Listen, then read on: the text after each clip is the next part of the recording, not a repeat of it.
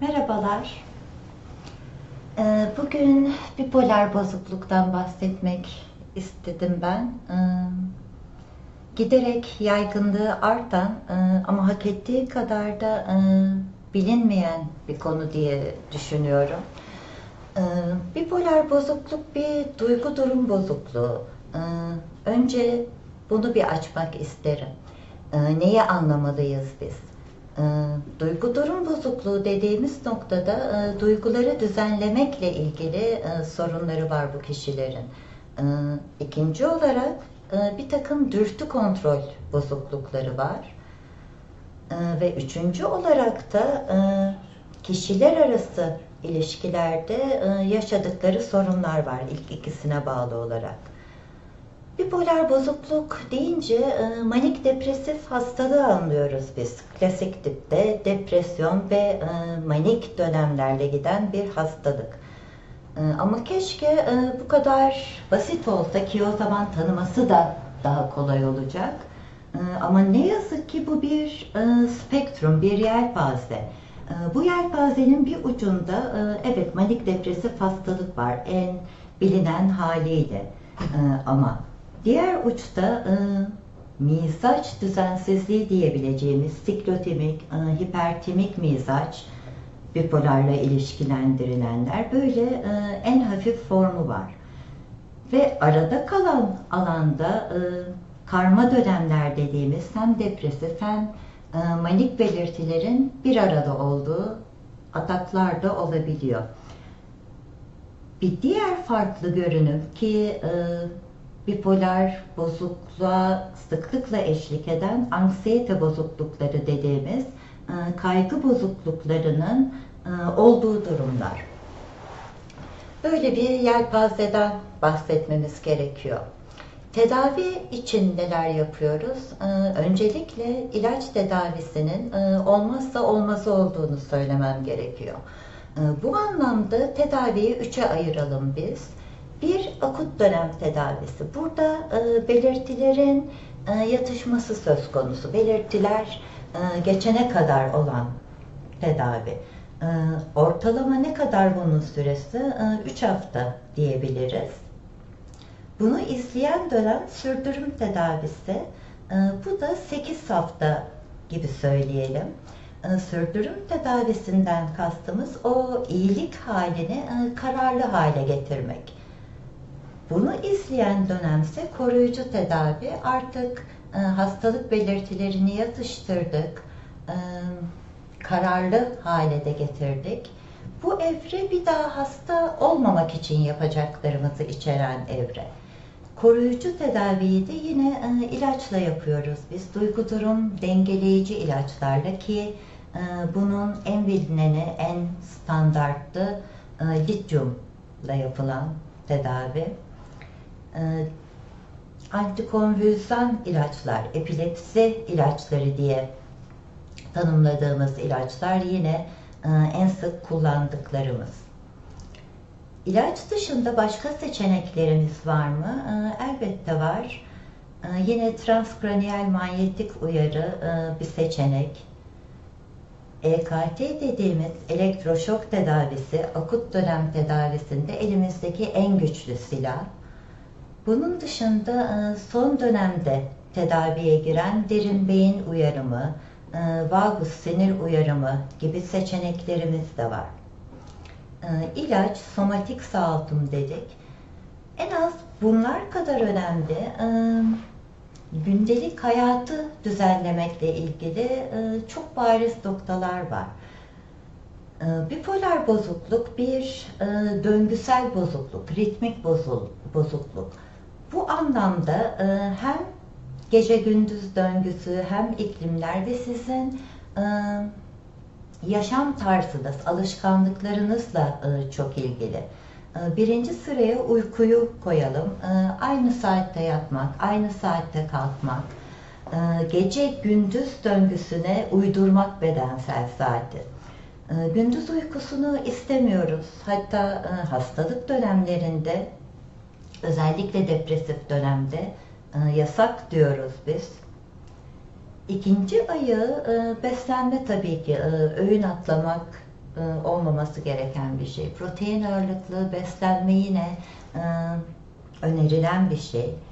Üçüncü ayak güneş ışığı ki biliriz ki kış dönemlerinde depresyonlar daha sık çıkar karşımıza. Her gün mümkün olsa e, yarım saat güneş ışığı alabilsek. Kapalı ortamda bunun muadili e, sarı ışık, eski ampuller olabilir. Ki bu noktada şunu da ekleyeyim, fototerapi yine bir tedavi seçeneği. Dördüncü ayağa da e, fiziksel aktiviteyi, fiziksel egzersizi koyalım. Beyin öyle bir organ ki her şeyi standart istiyor. Fiziksel aktivite dedik, sabah, akşam 15'er, 20'şer dakika süresi sabit olsun, e, içeriği de sabit olsun. E, harcanan enerji miktarı e, her defasında aynı olsun ve e, yapıldığı e, zaman dilimi aynı olsun. Ee, bu benim kabaca özetleyebileceklerim. Ee, bu noktadan sonra soru, hatta katkı olabiliyorsa ben onları duymak isteyeceğim. Hocam sorularımız var. Bunlardan bir tanesi bipolar bozukluk yaygın olarak göründüğünden bahsettiniz. Ancak insanlar belirtilerini çok fazla bilmiyorlar. Bipolar bozukluğun belirtileri nelerdir? Çocukluk çağında görülür mü? Daha erişkin hastalığı mıdır yoksa bipolar bozukluk? Hı hı. Sondan başlayayım ben. Ee, Bir erişkin hastalığı sıklıkla e, başlangıç yaşı 18 ergenlik dönemlerinden e, 26 yaş civarı bir pik yaptığı belirtilir. E, Çocukluk çağında elbette ki başlayabilir ama bu e, sıklıkla gördüğümüz bir şey değil. Belirtileri nedir noktasında e, bir depresif dönem ya da manik dönem çıkacak karşımıza. Depresyon belirtileri daha sık duyulan, sık konuşulan, daha bilindik şeyler. E, Bir üzgün, karamsar hissediyor kişi kendini. E, Ama bazen buna tahammülsüzlük, sinirlilik eşlik edebiliyor. İkinci olmazsa olmazımız e, her zaman keyif alınan şeyler bu dönemde artık keyif vermiyor. E, Bir miktar isteksizlik oluyor bunlara karşı. E, Kişi enerjisini kaybetmiş hissediyor. Halsizlik, bitkinlik, bir diğer yakınma. Uyku değişikliklerini, iştah değişikliklerini görüyoruz. Cinsel istekte yine benzer şekilde. Ee, klasik depresyonda, melankolik tipte dediğimiz depresyonda uyku ve iştah azalıyor ama atipik dediğimiz tipler var ki ki e, bipolarda daha sık izlendiğini söyleyebilirim. E, burada tam aksine uyku ihtiyacı artıyor. E, daha fazla yeme isteği duyuyor insanlar ve bu yeme isteği özellikle karbonhidratlara yöneliyor. dikkat bozulabiliyor. E, bilişi de bozan bir şey depresyon. E, manik dönem ise bunların tam tersini düşünün. E, psikomotor aktivite artıyor. Hem bilişsel olarak düşünceler hızlanıyor, enerji düzeyi artıyor, bir huzursuzluk, sinirlilik, tahammülsüzlük halleri. Manik dönemde o üzüntü karamsarlığın aksine kişi kendini çok iyi hissedebiliyor. Neşeli, ıı, her zamankinden daha konuşkan, ıı, böyle bir şey maya. Çok ağır durumlarında depresyonun da maninin de ıı, gerçeği değerlendirme bozulabiliyor. Bundan neyi anlamalıyız? Kişinin yargılama, muhakeme yeteneğinin bozulduğunu ee, bir takım e, alınganlıklar, şüphecilikler, bu tür e, yargı bozuklukları değil. Peki bipolar bozukluk bir beyin hastalığı mıdır? Kesinlikle öyledir. E, nitekim bunun türlü çeşit kanıtlarını hem görüntüleme yöntemleriyle hem de nasıl söyleyelim belli lokalizasyonlarına beynin e, yerleştirerek e, anlayabiliyoruz, tanımlayabiliyoruz. E, beynin biyokimyası değişiyor, elektriksel aktivitesi değişiyor ve e, bu değişiklikler aşamalı olarak gerçekleşiyor. Peki, bipolar bozukluk genetik bir hastalık mıdır hocam? E, bu da kesinlikle hatta psikiyatrik bozukluklar içerisinde e, genetik komponenti kalıtılabilirliği e, en yüksek olan ikinci bozukluk ki ilki otizmdir. Peki bipolar bozukluktaki bozukluğu biz genelde hep toplumun içerisinde ünlü hastalığı diye duyuyoruz. Bazı ünlülerin bipolar hastalığıyla gündeme gelen bir hastalık aslında bu. Ee, bunun bir nedeni var mı? Ee, şöyle bir neden olabilir. Ee, ünlülükle değil ama ünlü insanların e, sanatçılar olduğunu e, düşünürsek eğer yaratıcılıkla ilişkilendirebiliriz.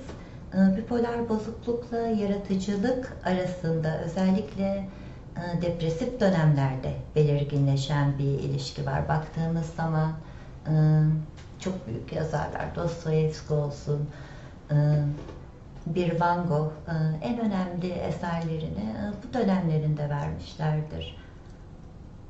Dolayısıyla yaratıcılığı besleyen... Evet, ünlülükle ilişkisi yaratıcılık üzerinden. Peki, zaman zaman e, ataklar geçirilebildiğinden bahsettiniz. Bu ataklar nasıl gelir ve bu atakları önlemek mümkün olabilir mi?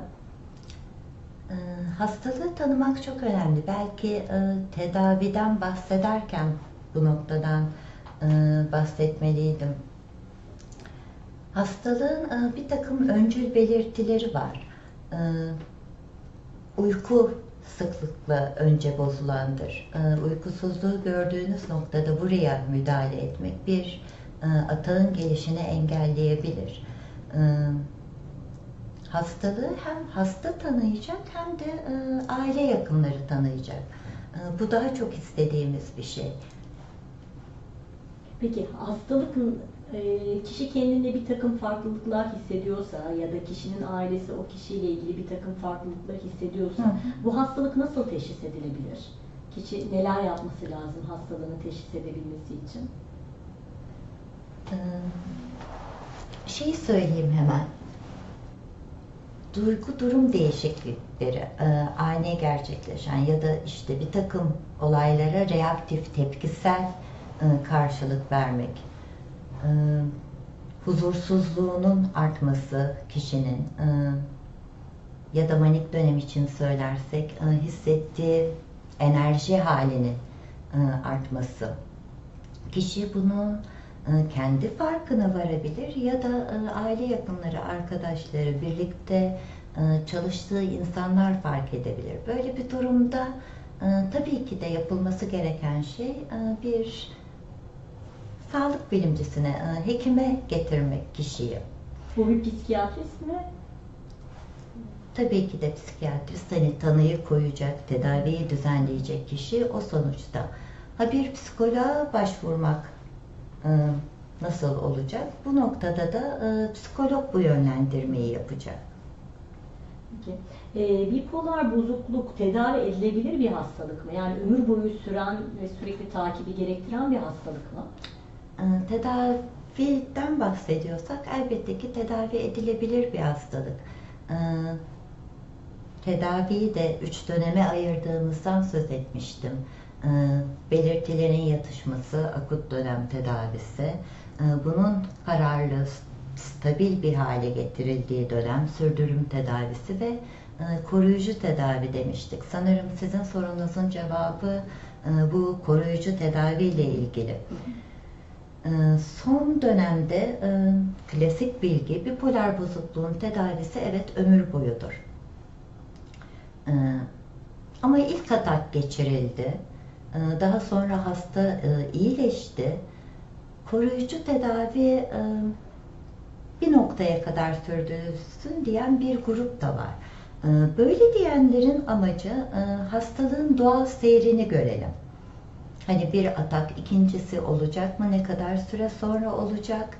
Ee, ama bu noktada bir uyarı var. Önemli de bir uyarı. Eğer e, atak çok şeye mal olmuşsa, e, bir daha aynı riski almak istemiyorsak, e, nedir bu çok şeye mal olmak? Yani bir intihar girişimi söz konusuysa ya da kişi hayatının önemli bir evresindeyse, kariyerinin başlangıcı gibi, üniversite yılları gibi e, koruyucu tedaviyi sonlandırmayı e, düşünmeyiz. Mevsimler, mevsimsel geçişler e, bipolar, bipolar bozukluğunu etkiler mi? Bu dönemlerde tavsiyelerde bulunmak gerekir mi bipolar bozukluğa hastalığına sahip olan kişilere? E, Döngüsel bir bozukluk dedik. Bu anlamda e, bütün döngüsel ritimlerle ilişkili. E, Mevsimler de e, en önemlisi. İlkbahar, e, sonbahar ayları sıklığın arttığı dönemler. Yine yaz ayları mani için, kış ayları depresyon için daha riskli dönemler. Her hastaya genellemeyelim bunu ama bu böyle. Dolayısıyla koruyucu tedaviye bu riskli dönemlerde bazı eklemeler yapmak gerekebilir. E, Her kış hastalanıyorsa e, kişi e, fototerapi gündeme gelebilir. E, Sosyal ritim terapisi daha önemli hale gelebilir. E, Her yaz hastalanıyorsa e, belki fiziksel aktiviteyi düzenlemek yanında uykuyu düzenlemeye ağırlık verilebilir. Ee, Yine bu mevsim geçişlerinde ki hastalığın genelinde de e, alkol alımı, e, kafein kullanımı e, bunlar incelenmesi üzerinde durulması gereken şeyler. Ve tabii riskli dönemlerde koruyucu tedaviyi ilaçla da güçlendirmek gerekebilir ya da mevcut ilacın dozu arttırılabilir, azaltılabilir. Hocam son sorum. E, bipolar bozukluğu hastalığına sahip olan Hı hı. kişilere ve ailelerine tavsiyeleriniz nelerdir? Ee, Öncelikle e, İslam çok önemli. E, Tedavi işbirliği.